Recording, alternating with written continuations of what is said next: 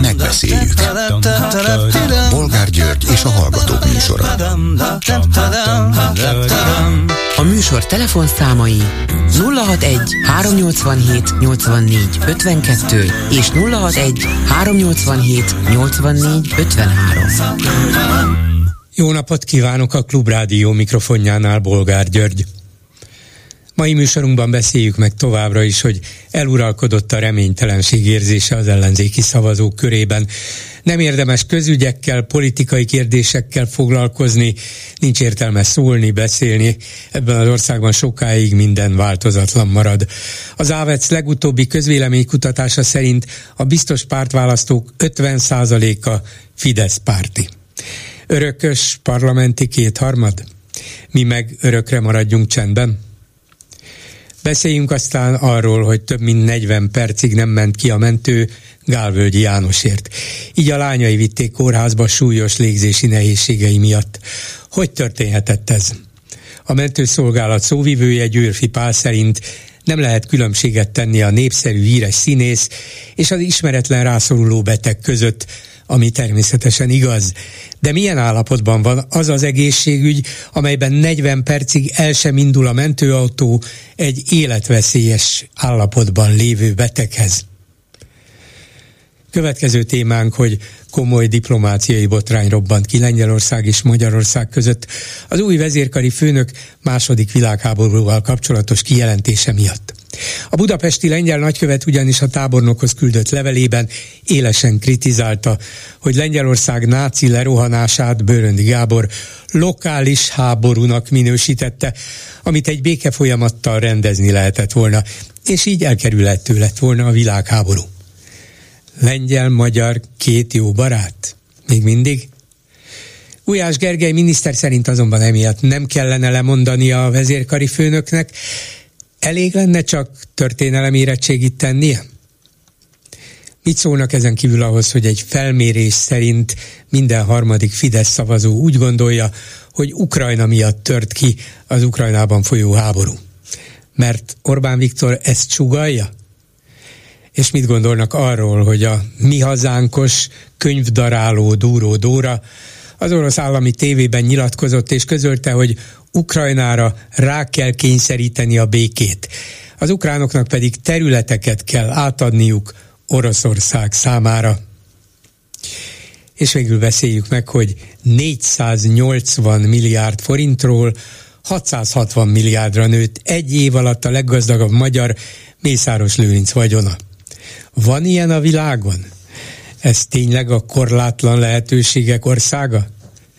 Olyan ország, ahol a leggazdagabb egy százalék birtokolja a nemzeti összvagyon több mint egy harmadát, ami kiugró a fejlett országok között.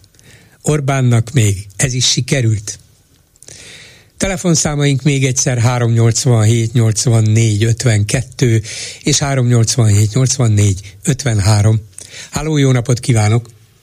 Jó napot kívánok! Én Nagy Eszter vagyok, és a, nagyon örülök, hogy az apátia, mint téma ma is uh, még tovább folytatódik, mert tegnap én lettem volna az utolsó hozzászóló, de szerencsére már nem kerültem sorra, mert már nagyon kevés idő lett volna hozzá, és azért telefonálok, mert én tavaly októberben lettem önkormányzati képviselő a második kerületben, és hát tavaly is elég nagy volt az apátia, ugye a választásokat követően, és hát nekünk sikerült itt a második kerületben közel 61 kal nyerni, tehát úgy lettem önkormányzati képviselő, hogy öt párti támogatással nyertük meg ilyen uh-huh. arányban a választást. Ez, volt az a, ez volt az a pillanat, vagy ez volt az az eset, amikor ezt a hosszú, egymást követő, tragikus sort sikerült végre megállítani. Egymás Igen. után nyertek a fideszesek az önkormányzati időközi választásokon, aztán önnek sikerült mégis ezt megállítania.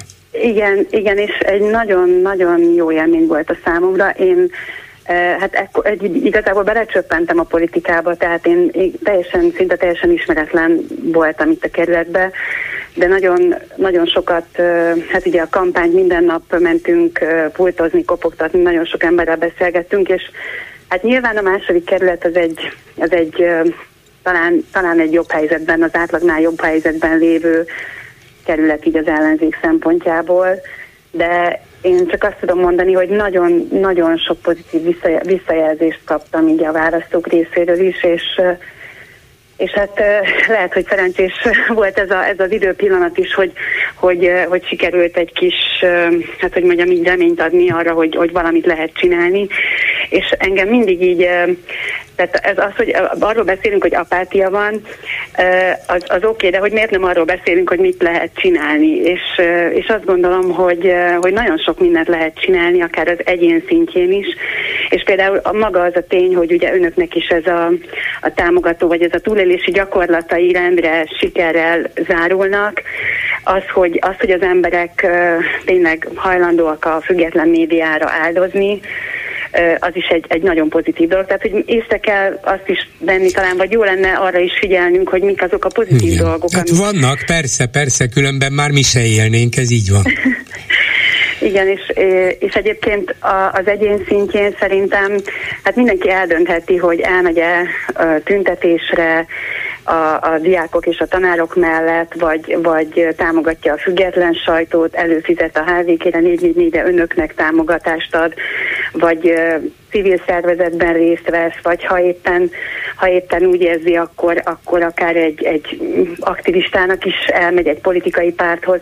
Mert egyébként ami, ami még szerintem nagyon fontos lenne, hogy egy kicsit rehabilitáljuk a politikát is, mert, mert igazából a, a jelenlegi rezsimnek az nagyon jó, hogy lealjasítja a politikát, tehát hogy, hogy annyira elveszi az embereknek a kedvét attól, hogy még a hírek olvasásától is elveszi a kedvét, hát még attól, hogy mondjuk becsatlakozzanak és segítsék bármelyik ellenzéki pártnak a munkáját. Tehát, hogy igazából a, a, ez a Orbán rendszernek az érdeke is, hogy, hogy eltávolítsa az embereket hát persze, ettől, és de... hogy apátiába nyomja az embereket. Hogyne, de az emberek nyilván azt érzik, hogy jó, hát én, én támogatnám ezt vagy azt a pártot, adott esetben ki is megyek az általuk szervezett tiltakozásra, de látom, hogy eredménytelen. Hát nem történik semmi, és akkor vegyünk egy nem kifejezetten politikai példát, és látni is lehetett az elmúlt hónapokban Debrecenben, ahol hirtelen szinte a semmiből óriási akkumulátorgyárakat Igen. kezdtek építeni, amikor az emberek ezt észrevették, elkezdtek hangosan és tömegesen tiltakozni. És semmi, és még egy népszavazást se lehet megrendezni, tehát kezd gyengülni a tiltakozás, és nyilván az emberek vagy apátiába fordulnak, vagy azt mondják, hogy na jó, hát talán majd jövőre egy év múlva az önkormányzati választáson ellenük fogok szavazni, de addig most, most mit tegyek, hát úgyis föl fogják építeni, én meg tetszik, nem tetszik, elfogadom. E, igen, mondjuk ez, ez biztos, és, és nagyon remélem, hogy kihatással lesz a jövő évi önkormányzati választásra. Ugyanakkor nyilván azt, azt én sem állítom, hogy ez egy könnyű helyzet, tehát ez tényleg egy nagyon-nagyon nehéz helyzet, és nyilván azt is tudjuk, hát a Helsinki Bizottság is sokszor megírta a jelentést, hogy ez már régen nem, nem fair ez a választási környezet, tehát ez már, már, már nem tartunk ott, hogy szabad és hogy igazából szabad lenne a magyar választás, és ezért, ezért sokkal, hát sokkal nagyobb kreativitást, vagy hogy mondjam, tehát nagyobb összefog, összefogást, azt már kicsit talán lejárattuk ezt a szót, de attól függetlenül az együttműködés az nagyon-nagyon fontos lenne, és azt gondolom, hogy mind a civil szféra, mind a, a pártok valahogy egymásra kellene, hogy találjanak ebben a környezetben, mert, mert csak úgy lehet szerintem egy ilyen, egy ilyen nehéz helyzetben eredményeket elérni, hogyha, hogyha megtaláljuk egymáshoz az utat. Tehát, hogyha tudjuk egymást támogatni, és nem, nem fetisizáljuk, vagy nem, tehát nem gondoljuk azt, hogy minden politikus az, az korrupt és az ördöggel egyenlő, hanem igenis, hogy vannak olyanok, akik, akik a politika eredeti szándéka szerint az emberek érdekeit szeretnék szolgálni, és, és igazából az nagyon fontos lenne az, hogy hogy ezt, ezt, ezt egy kicsit megtaláljuk azt az utat, hogy hogyan tudunk szélesebb platformokat teremteni erre, hogy beszélgessünk, hogy, hogy, hogy megtaláljuk az, azokat a akár kreatív vagy még nem létező megoldásokat közösen, mert én azt gondolom, hogy ugyanakkor az ellenzék oldalán van, van a, a, az értelmiség, a, ott van a, ott nagyon sok okos ember van, és, és hogyha nem kevesebbet lamentálnánk, meg kevesebbet panaszkodnánk, hanem inkább azon gondolkodnánk, hogy milyen új dolgokat lehetne csinálni, akkor, akkor talán, akkor, talán akkor jobban is éreznénk magunkat. Tehát végül is a, az igazság, meg a tisztesség többnyire a mi oldalunkon van, de mintha sokszor ez se volna elég, és ettől lesznek olyan frusztráltak az emberek. Igen, igen, és még egy, egy gondolatot, hogyha megenged, mert a, tegnap az utolsó uh, hallgató is ehhez szólt hozzá, és, és ő mondta ezt a, ezt a Gyurcsány Ferenc uh, problémát, és uh, nekem egy kicsit az az érzésem, hogy nyilván a Gyurcsány Ferenc tematikát, ugye ezt a karaktergyilkos tematikát a Fidesz soha nem fogja elengedni. És, és nyilván minden eszköze is megvan arra, hogy, hogy a, a kormány propagandát a YouTube hirdetéseken, bármilyen hirdetéseken keresztül, köztévén keresztül tolja. De valamilyen szinten azt azért látni kell, hogy, hogy ha Gyurcsány Ferenc nem tudom, diszidálna az országból, vagy elköltözne, akkor is megmaradna persze, ez a... Hogyne. Ez a, ez a akkor New Yorkból soros... irányítaná az ellenzéket, ismerjük, persze. Igen, tehát uh, nyilván uh, Soros Györgynek se kellett ahhoz Magyarországra tenni a lábát se, hogy, hogy egy ilyen uh, démonizált alakot kreáljanak belőle. Tehát hogy valahogy, valahogy túl kéne már lépni ezen a dolgon, és, uh, és nem, nem ezzel kellene foglalkozni, különösen nem az ellenzéki oldalon. Tehát nyilván, nyilvánvaló, hogy Gyurcsány Ferenc nem lesz miniszter miniszterelnök jelölt nem, nem fog aktív politikai szerepet vállalni várhatóan, de attól függetlenül létrehozott egy pártot, aminek van, ami ért el sikereket, tehát hogy igazából nem vitatható el ez a része, és, és azért ezt, ezt kicsit meg kéne már haladni szerintem, mert, mert teljesen mindegy, hogy, hogy tehát a Fidesz úgyis, úgyis minden, persze, minden. Ha bejelenteni, hogy visszavonulok a politikától, akkor is azt mondanák, hogy haha, ezzel akar minket átvágni, becsapni, hát mi ezt nem hisszük el. Úgy fog hát, irányítani, persze. hogy közben azt állítja, hogy visszavonult. Igen, Igen, hát ez, ez a helyzet, de köszönöm szépen, hogy egy kis lelket próbált önteni belénk. Minden jót, köszönöm viszont szépen, hallásra. remélem, hogy mindenki egy kicsit tud ebből valami aktivitást és valami pozitívumot Reméljük, így lesz. Köszönöm, köszönöm viszont hallásra. Köszönöm, viszont hallásra. A telefonnál pedig Dajcs Róbert, a Magyarországi Autonóm Ortodox Izraelita Hitközség korábbi elnöke. Jó napot kívánok! Jó napot kívánok! Az elmúlt napokban éles vita bontakozott ki a nagy magyar zsidó egyházak vezetői között a Mazsihisz elnöke, Heisler András azt írta néhány nappal ezelőtt, hogy a másik közösség, az Egységes Magyarországi Izraelita Hitközség lényegében bekebelezte az ön által korábban vezetett Magyar Autonóm Izraelita Hitközséget, elfoglalta a zsinagógáját a Kazinci utcában, és ezzel felszámolt egy több száz éves magyar ortodox hagyományt. Köves Lomó is nyilatkozott itt a rádióban, és azt mondta, hogy nem, ez nem így volt, volt egy legitim választás, és az ortodoxok, akik szerint összesen két-háromszázan vannak, így döntöttek, ők pedig segíteni kívánják őket. Hát mondja el ön, mint a legilletékesebbek egyike, hogy mi a helyzet, mi történt. Először is nagyon köszönjük a Mazsisznek és Hezre Andrásnak, hogy így kiáll az ortodoxia mellett.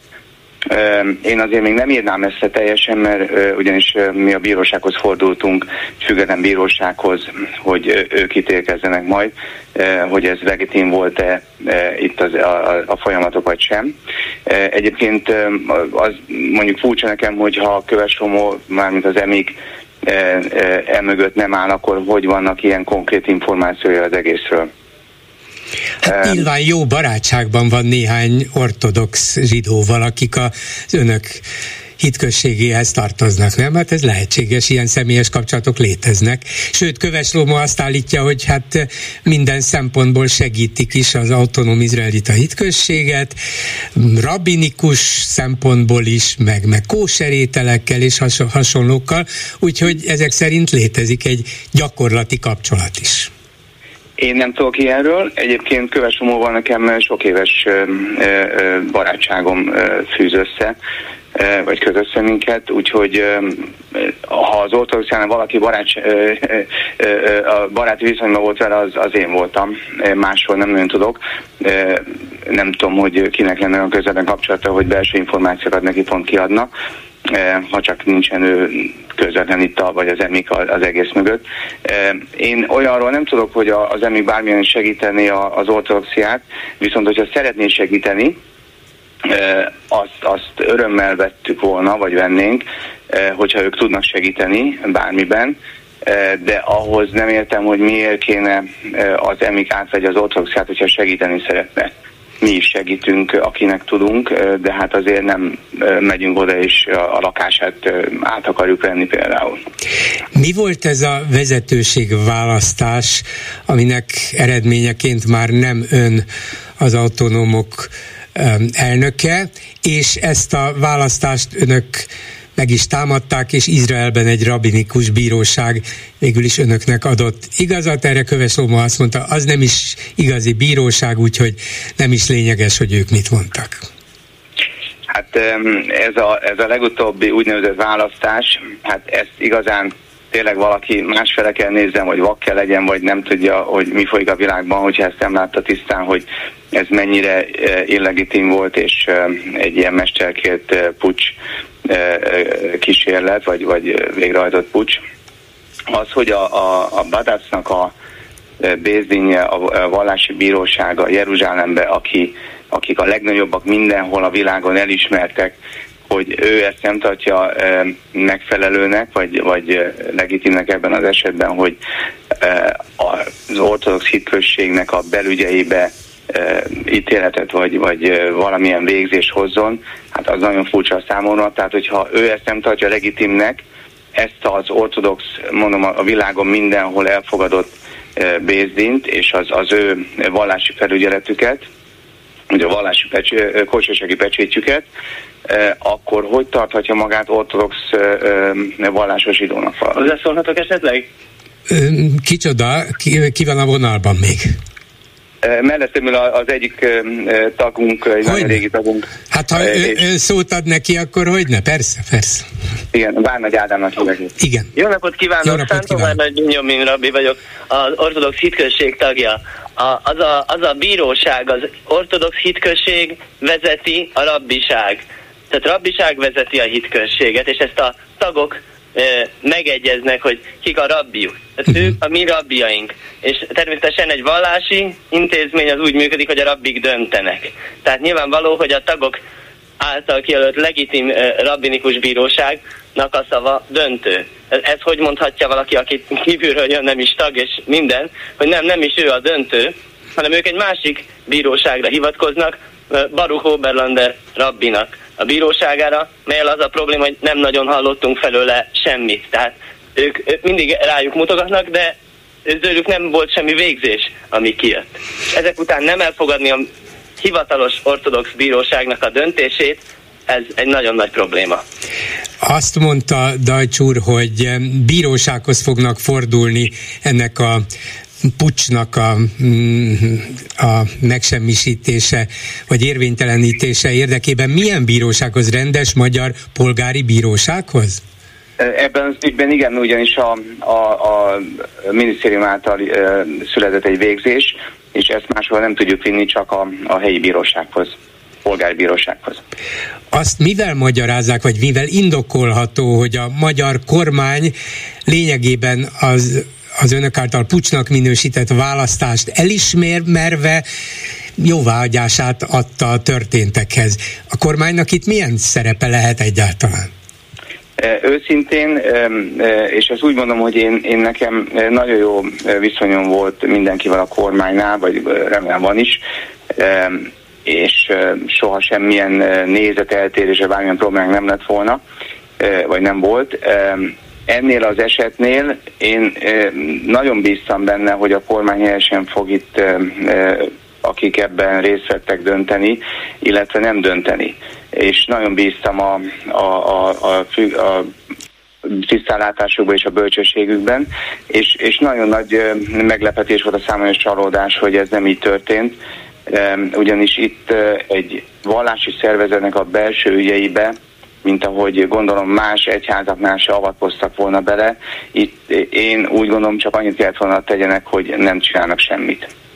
Hát igen, igen, az embernek tényleg az fordult meg a fejében, hogy hogy jön ide a kormány, mert lehetnek viták egy, egy házon belül, de miért a kormány tesz igazságot, vagy miért áll egyik vagy másik fél mellé. A pucsra visszatérve, hogyha az ortodoxok tagsága értetlenül nézi és felháborodva nézi a történteket, akkor kik voltak azok, akik ezt a választási pucsot mégis végre tudták hajtani? Hát javarészben ugye a, a Csengelén dolgozó vallási felügyelők, meg bármilyen alkalmazottak, akik ott, ott Izraelből ide járnak dolgozni a Csengeli vágóhídra. Azon kívül... Am, amit az EMIK üzemeltet? Amit az EMIK üzemeltet, igen. Uh-huh. Nem tudom, hogy most működik-e, mert egy jó ide be van zárva, de a bezárás előtt ott ugye Izraelből rendszeresen jöttek alkalmazottak, és hát az ő általuk fizetett emberek lettek fölvéve. Azon kívül a Habathoz tartozó barátok, rabik, bármilyen alkalmazottak, hát elég hosszú volt a lista, amit így láttam, gyakorlatilag mindenkit, akit ismertek, és hozzájuk közel álló volt, azt, azt fölvették tagnak. Uh-huh. Úgy, úgynevezett tagnak. Hát eh, nyilván ezt eh, senki nem eh, vette komolyan, senki nem tartja őket tagnak. Milyen feltételei vannak a taggá válásnak? Valaki jelentkezik, hogy én ortodox zsidó vagyok, mivel kell ezt igazolni? A közösségnek milyen beleszólása van abba, hogy na jó, hát akkor te is közénk tartozol. Hogy megy ez? Az előjáróság kell választhat, fölvegye a tagokat, Egyébként az elmúlt évek gyakorlatai az, az volt az ortodoxiánál, hogy az előjáróság vagy az elnök jelölt a, az új tagot, és akkor a közgyűlésen szavazták meg, hogy tag legyen vagy sem, de az, az alapszabály szerint, az eredeti alapszabály szerint az előjáróság jóváhagyása után kerülhetett valaki, mint az ortodoxiába. Köves Lomó azt is nyilatkozta itt nekem tegnap előtt, hogy hát a Kazinci utcai zsinagógában nem is tudja, hogy hogy mentek be, ő nem volt ott, de a lényeg az, hogy a következő napon már minden rendben ment, nyugodtan lehet ott imádkozni, bárkinek semmi rendellenesség nincs. Ön is ezt látta, vagy nem, nem járt ott ön azóta? Érdekes, hogy Slomónak mindenről van információja, kivéve erről, hogy hogy jutottak be a Kazinci utcai komplexumba, arról nincs. A, a, én viszont tudom, hogy hogy jutottak be, miután aláírtunk egy jegyzőkönyvet, hogy e, e, ugye elindítottuk a bíróságon ezt a, a kéremet, beadtuk, és ezért e, megvan annak az esély, hogy fölfüggesztése kerülhet a, a, a minisztériumnak a vég, végzése. Ezért azt kértük, hogy addig maradjon minden így, ahogy van, és hogyha a végzés ránk nézve nem pozitív lesz, akkor természetesen mindent át fogok adni az ő általuk megjelölt embernek. Egy kis húzamona után, meg alkotozás, alkotozás után ez került a jegyzőkönyvbe, ezt két ügyvéd az ő oldalukról aláírta, a mi oldalunkról egy ügyvéd írta alá, Kessel Gábor írta alá, és én. És miután ezt aláírtuk, mindenki hazament, bezártuk a kapukat, és rá egy órával körülbelül ők megjelentek, és az őrrel, akinél volt a kulcs, valamilyen úton, módon gondolom ővel ezt megbeszélték, annak a részletét nem tudom, hogy hogy, de az őr kinyitotta nekik, és akkor innentől fogva átvették az egész komplexumot, lezárták a kapukat, és onnan nem, tehát nem lehetett bejutni utána engem, és egy-két kollégámat nem engedték már be. Hova járnak imádkozni? Gondolom azért a, a, az ortodoxok számára fontos és, és egy állandó gyakorlat, hogy imádkozniuk kell. Volt egy zsinagógájuk, most nem az önök, nem az önöké, vagy legalábbis gyakorlatilag nem az önöké.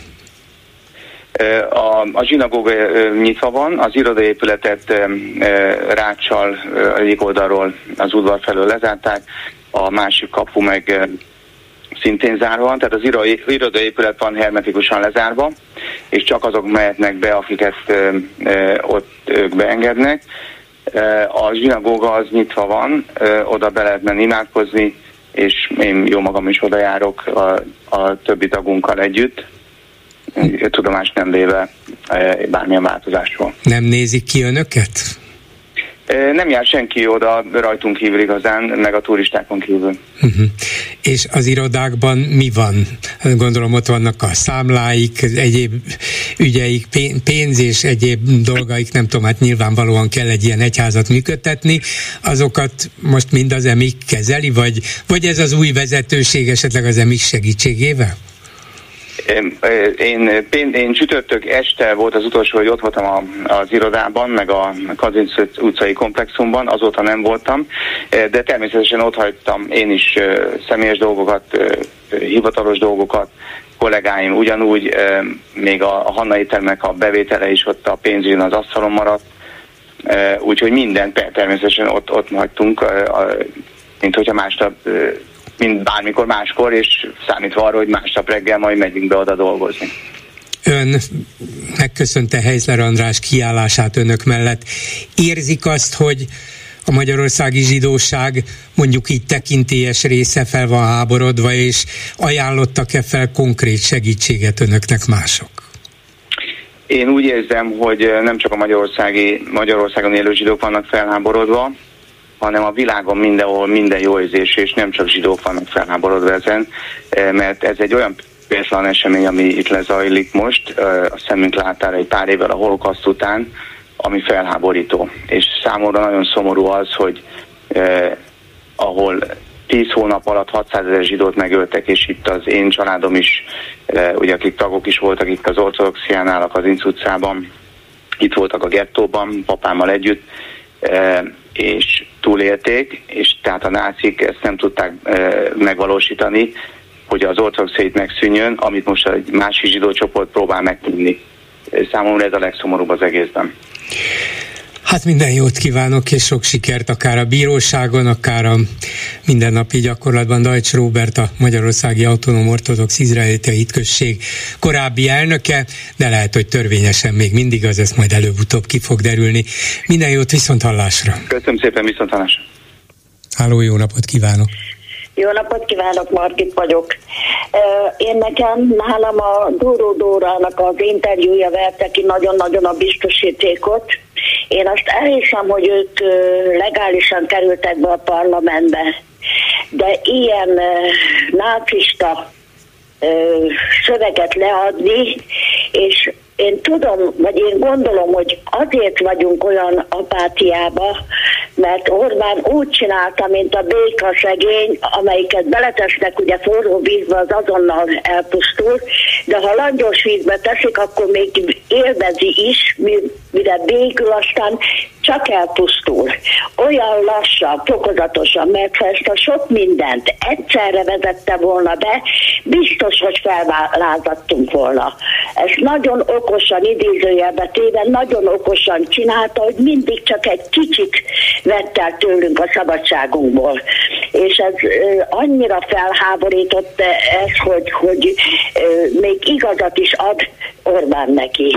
És ugye nagyon sokan Ukrajnát okolják, hát szerencsétlen Ukrajna, amennyi ember, gyerek meghal, és ki indította ezt a háborút? Hát Oroszország indította, ezt tudjuk. És addig súlykolja az emberekbe Orbán, hogy az Ukrajna ellenességet, hogy ez annyira felháborít, hogy nagyon-nagyon régen telefonáltam, de azért muszáj volt telefont a kezembe venni. Igen, Mert igen. Ez, ez rettenet. Jellemző Híresít. egyébként, hogy... Hát hogy... olyan egyszerűen a göbbesi politika, meg propaganda jut eszembe. Igen. Jellemző, hogy a talán legnépszerűbb Orbán párti hírportál az Origo minden nap valami olyan rendkívüli hírt tesz közzé, amivel a felelősséget a nyugati világra próbálja terhelni az egész miatt. Most például az a leg, igen, legfontosabb igen, rendkívüli... Egyszerűen nagyon-nagyon felháborít. Ugye kezdődött a Duró Dórának az a nagyon híres könyv égetése. Hol vagyunk? Igen, igen, igen. Hol vagyunk? Azt írja a az Ori... Németországot utánozzuk, vagy mi van? Így van. Azt írja az Origo a rendkívüli hírben, hogy veszélyes döntést hoztak a britek, kitörhet a harmadik világháború.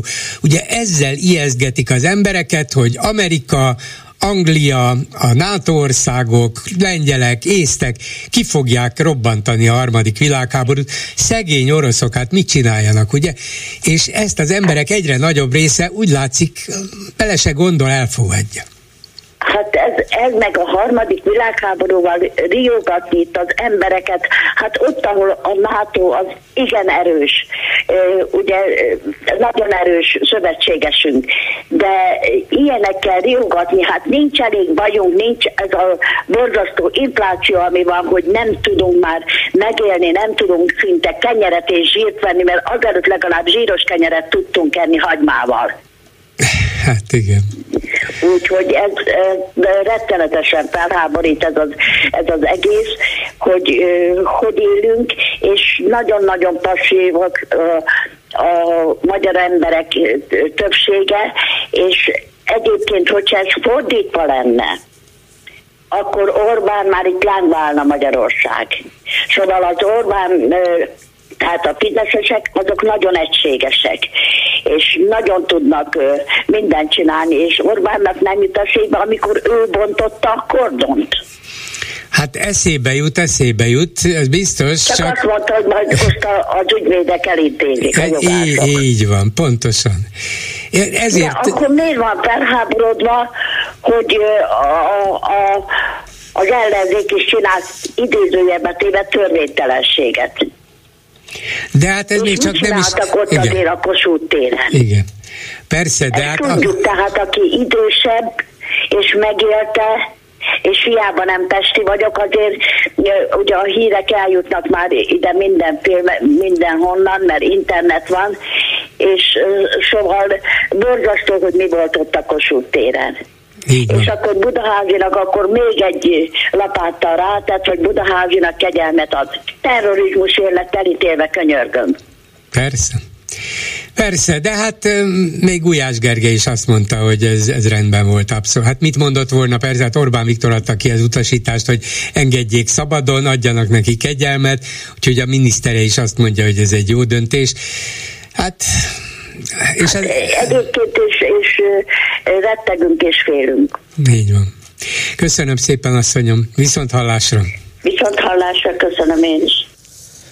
A vonalban pedig Komját Imre, az MSZP társelnöke. Jó napot kívánok! Jó napot kívánok a hallgatóknak is! Mégpedig azzal a régóta napirenden lévő kérdéssel kapcsolatban, hogy a köz, úgynevezett közmédia, szóval a Fidesz propaganda irányítása alatt álló, állami tulajdonban lévő és pénzzel teletömött állami tévé és rádió az elmúlt egy évben egy mostani vizsgálat szerint 6764 alkalommal hívott ellenzéki politikusokat a műsorokba szerepelni, de hát csak nagyon kevés esetben fogadták el.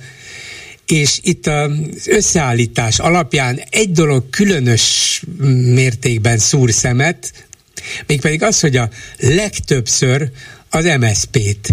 Ugye összesen 6000 valahány százszor, ugye itt mondtam az előbb egész pontosan a számot, 6764, és abból 2964 alkalommal MSZP-s politikusokat hívtak a közmédiába, önök négy alkalommal fogadták ezt el. Majd beszéljünk a, arról is, hogy miért és mi, mik voltak a kivételek, ha egyáltalán tudja, de Ön minek tulajdonítja meg az MSZP vezetése azt, hogy kirívó mértékben MSZP-seket hívogattak, mit akartak ezzel bizonyítani, vagy milyen helyzetbe akarták önöket kényszeríteni? Mi, mivel magyarázható ez?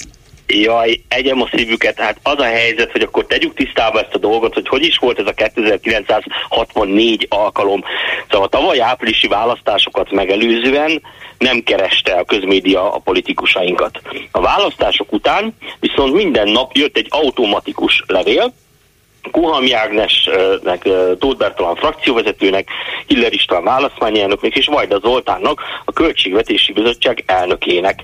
És ebben az automatikus levélben az volt, hogy szívesen látják bármelyik politikust.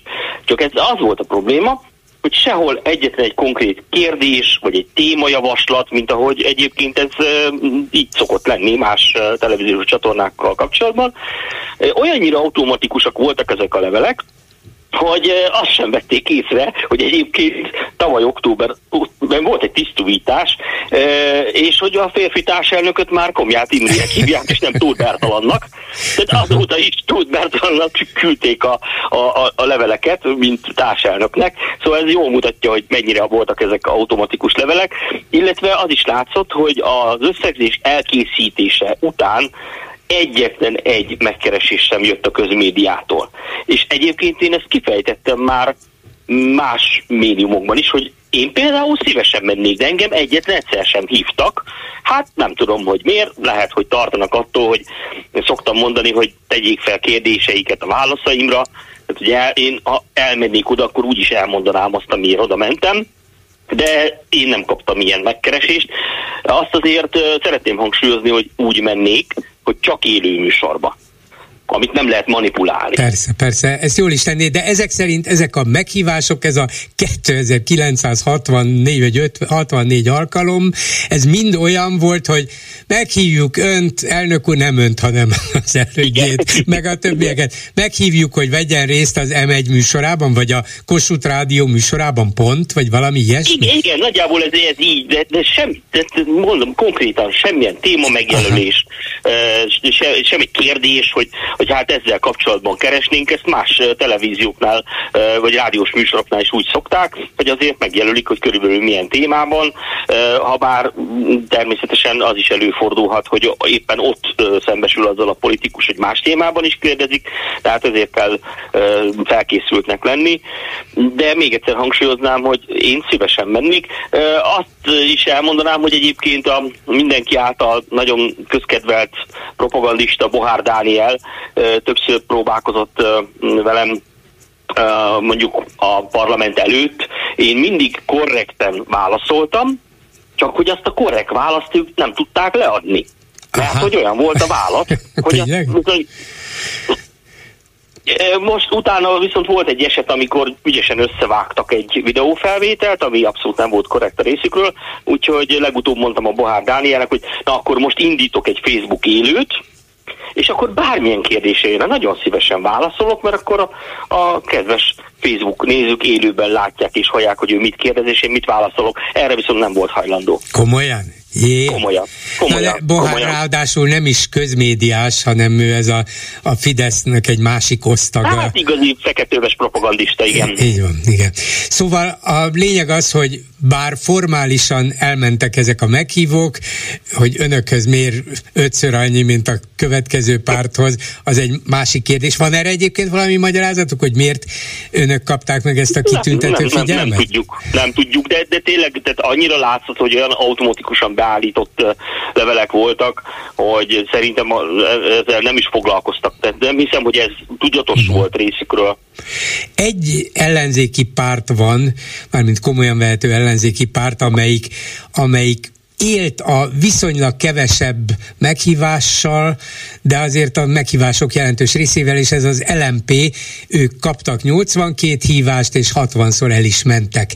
Uh-huh. Na most ez azt mutatja, hogy tulajdonképpen az összes többi, az MSP, a DK, a Momentum, párbeszéd, és így tovább, gyakor jobbik, ezek gyakorlatilag és alapvetően visszautasították egy-két kivételtől eltekintve, ezeket a, ezek szerint csak abszolút formális meghívásokat, kivéve az LMP-t. Nem érdeklődtek egymásnál, hogy ti miért is csináljátok, vagy van ennek értelme, vagy akkor most így az LMP tűnik föl a közmédiában, mint az egyetlen ellenzéki párt, jó ez? Vagy nektek jó ez, mert akkor ti személyisítitek meg a, hú de rosszul mondtam, ez személye, sítitek meg az ellenzéket helyettünk is, szóval nem volt valamiféle konfliktus önök között ebben? Nem, nem, nem volt, de egyébként most, hogy mondja szerkesztő úr, lehet, hogy Ugár Péternél rá fogok kérdezni konkrétan arra, hogy, hogy ők milyen műsorokban voltak, mert ezt, nem tudom, tehát hogy élő műsor volt-e, vagy, vagy előre felvett műsor, mert én még egyszer hangsúlyoznám, élő műsorban én is szívesen elmennék, meg van biztos olyan politikus társam, aki esetleg elmenne, már csak azért is, mert egyszer azt mondjuk, sokszor elhangzik ez tőlünk, hogy hát a vidéki emberek nagyrészt nem nézik csak az M1-et, és abból tájékozódnak, akkor szerintem jó lenne elmenni és elmondani ott a, az álláspontukat. Mondjuk én tartok tőle, hogyha egyszer meghívnak és elmegyek, akkor utána lehet, hogy többet nem fognak hívni.